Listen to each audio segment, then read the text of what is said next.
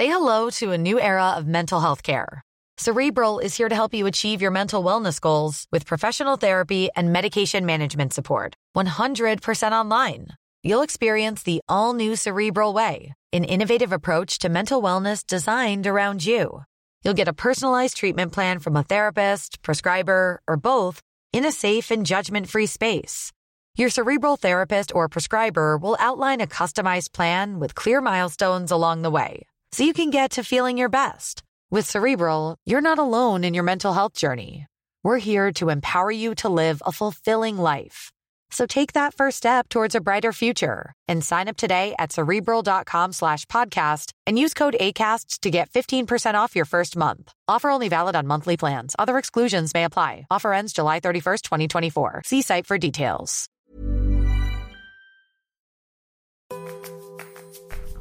Velkommen tilbake til Leve sammen, en slags podkast om de store spørsmåla i livet. I dag starter vi faktisk med skillingsboller, for det trenger vi, for det er et stort tema vi skal inn i.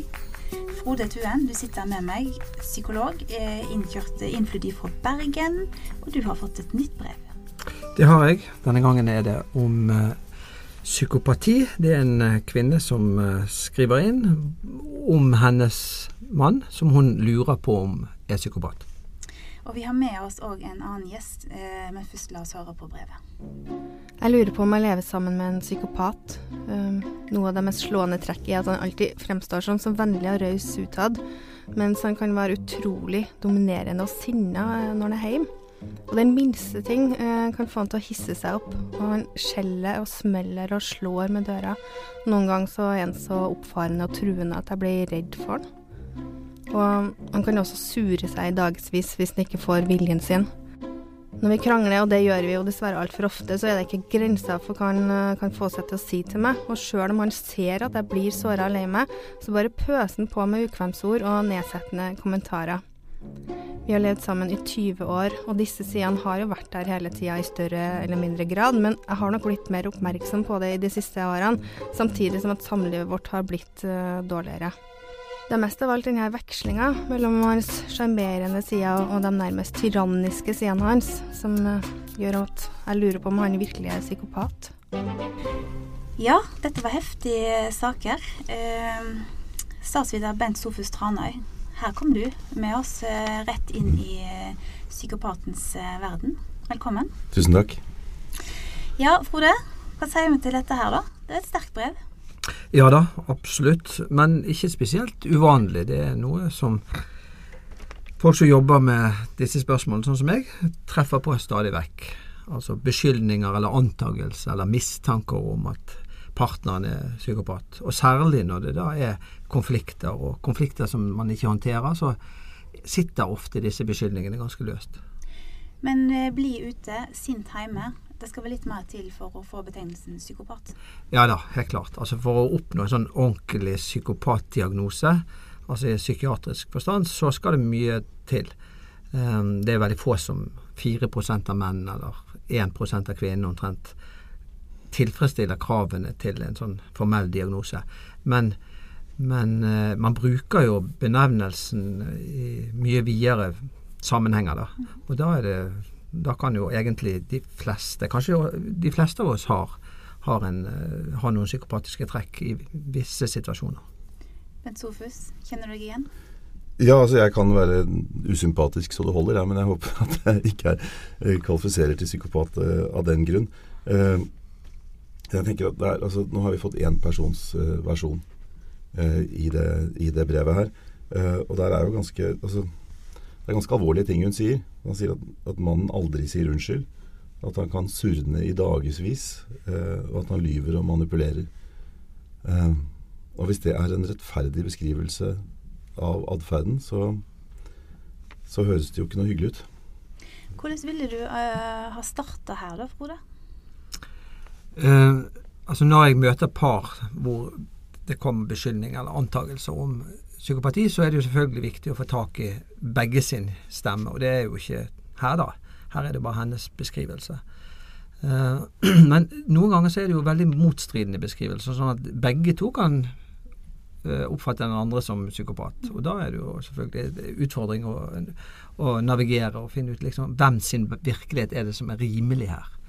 Det vet vi jo ikke her, da, men, men det er klart at her eh, Hun opplever i hvert fall, eller beskriver sider hos, hos denne mannen som, som helt klart kan minne om, eller i hvert fall har psykopatiske trekk. da. Mm. Ja. En, ting, en, ting, jeg har lært av Frode, er jo å tenke i, i baner av å spille hverandre gode og spille hverandre dårlige. Så Det er en måte å tenke på som jeg kan bruke i nesten alle sammenhenger og alle relasjoner. Det er noe grunnleggende med at, eh, at, vi påvirkes av de vi er sammen med, og noen mennesker får fram det beste i oss, og andre kan over tid få fram det dårligste. Men samtidig er det viktig tenker jeg, å av og til sette foten ned og si at nei, det her er uakseptabel atferd. Her, liksom, her henger du bjella på én katt, så å si.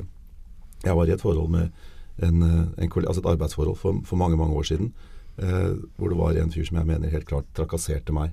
Og Da husker jeg at omgivelsene var sånn Ja, dere to går jo ikke sammen. Mm. Det er liksom så behagelig å trekke seg ut og si det er noe relasjonelt. Dere, dere får det ikke til å funke. Eh, mens jeg tror i retrospekt, eller jeg er ganske sikker på retrospekt, at det riktige hadde vært eh, at vår felles sjef hadde sagt til den ene at sånn kan du ikke oppføre deg. Det skjedde ikke. Nei, for det var liksom den derre altså Det er noe sånn behagelig med å si 'dere to', mm. eh, og så trekke seg unna. Så hvordan ville du egentlig ha starta her, da? Ja, altså det, det, altså det, som Bent sier, er jo veldig viktig. Og altså Man skal jo ikke redusere enhver konflikt til noe relasjonelt. altså Noen ganger kan det være én person lage en, en, stor konflikt. og Det gjelder jo både i arbeidsforhold, men òg i et samliv. Noen ganger er, har man med ordentlige psykopater å gjøre, helt opplagt. Og da er rådet bare Og da er rådet egentlig å, å, å, komme seg vekk.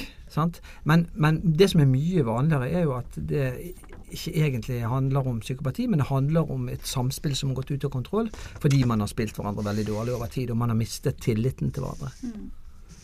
En, en, erfaring jeg har gjort i, i livet mitt, hvis jeg, ser, hvis jeg, ser, på meg selv med litt sånn brutalt eh, så brutalt ærlig blikk jeg, jeg klarer. Og Det er derfor vi er så glad for å ha deg med her. Takk skal du ha. Men jeg, altså jeg, det hender at jeg etter at en episode er over, tenkte at nå er jeg slem. Dette her står jeg egentlig altså Dette er ikke den personen jeg ønsker å være. Jeg ønsker ikke å være en som sier sånne ting, eller en som reagerer på den måten i en sånn situasjon.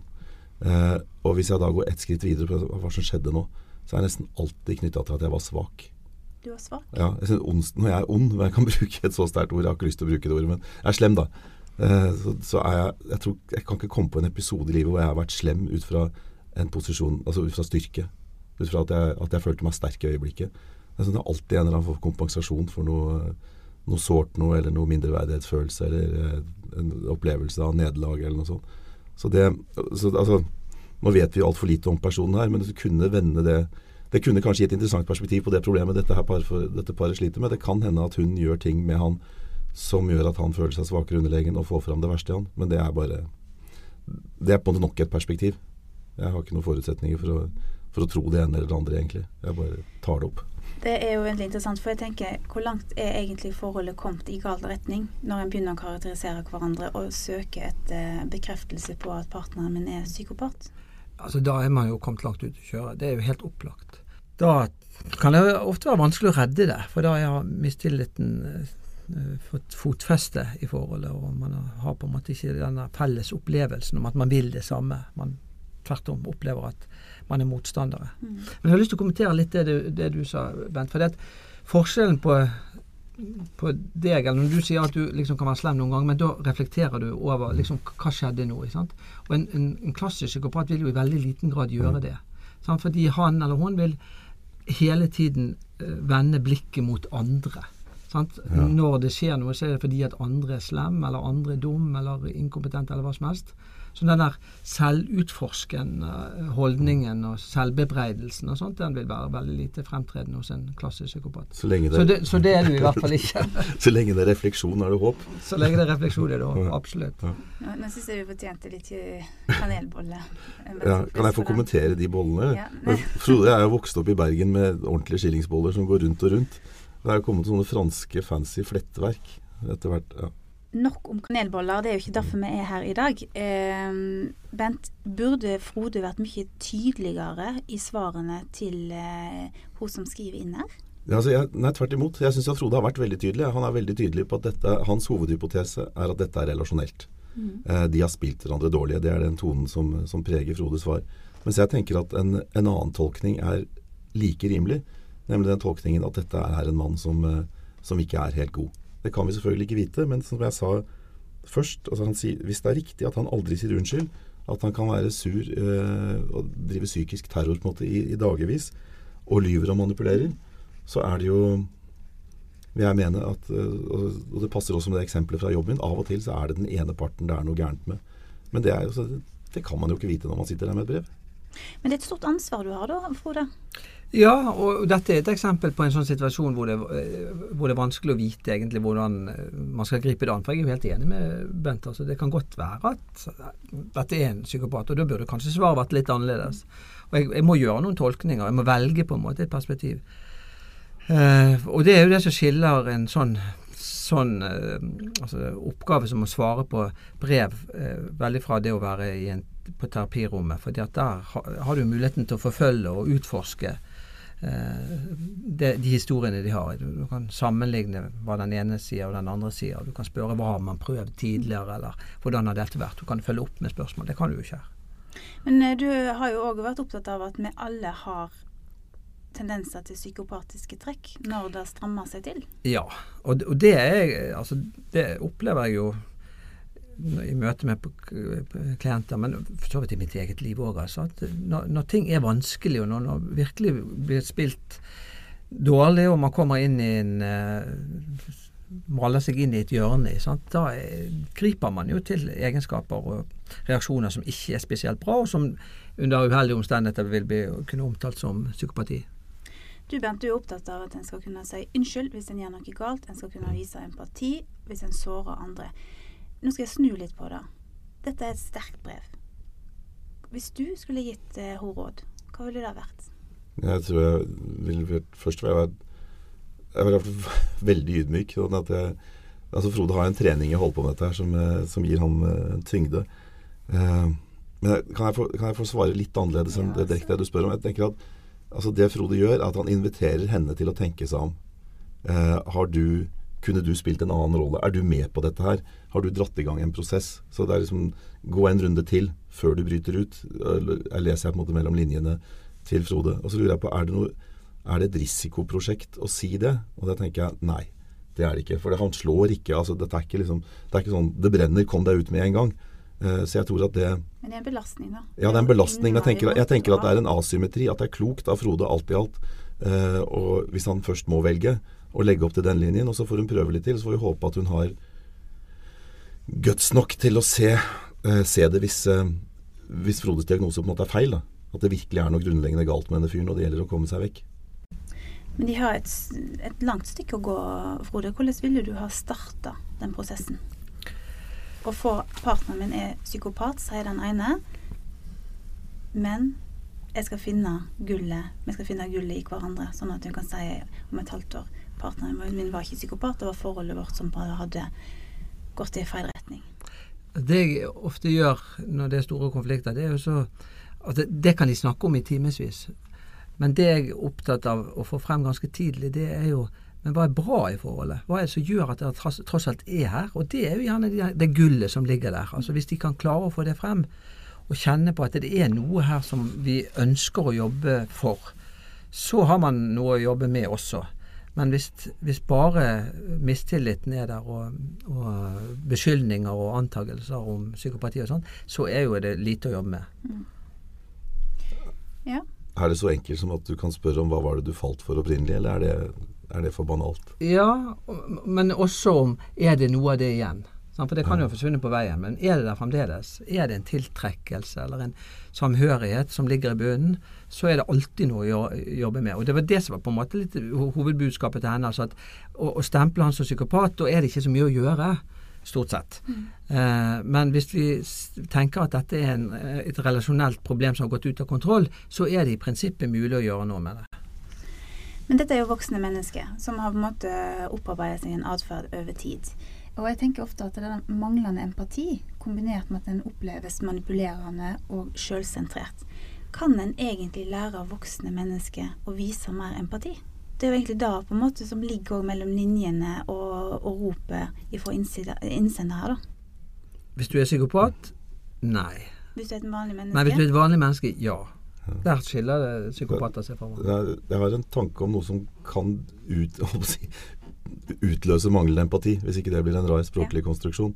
Eh, og det er at eh, jeg har sett i mitt eget liv og i et parforhold som jeg kjente ganske godt til, eh, en, sånn, en, sånn, dynamikk mellom mann og kvinne hvor eh, hvis kvinnen er, er svak og f.eks. syk, og så trenger hun støtte, mens det mannen hører er 'gjør noe'. Mannen er handlingsorientert.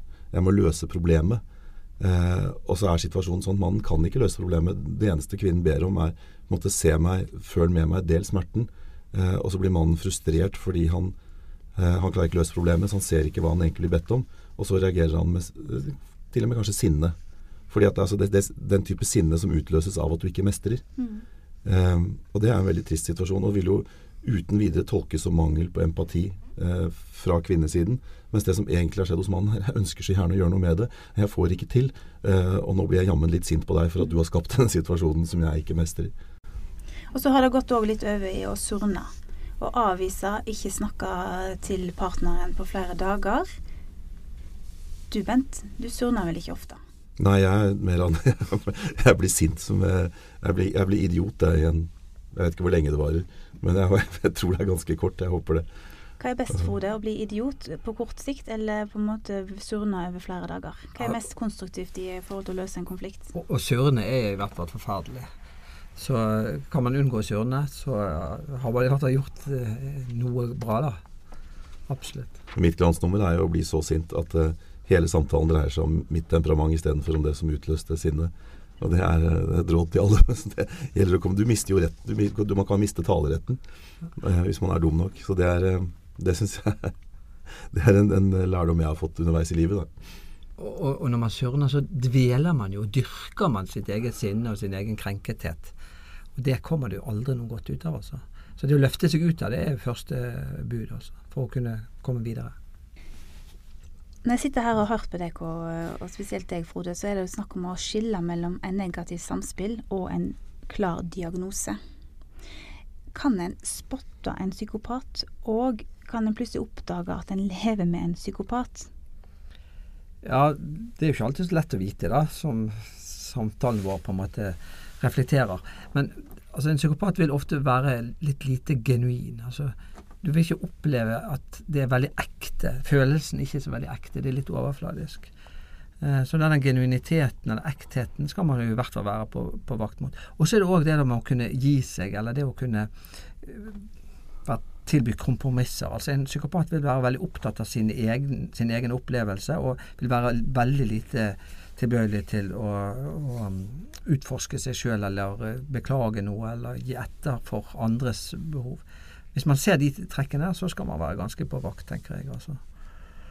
Mm. Så er det vel òg litt forskjell på Det er vel noen som er litt mer vellykka enn ja, andre? Også, ja, det er et viktig poeng. altså Noen er jo veldig vellykket og, og, kan slå seg opp i. sant, altså Ingvald, Nissen skrev en bok, en klassiker, som heter 'Psykopatenes diktatur'. sant, altså Veldig mange som er i ledende stillinger, har noen psykopatiske trekk.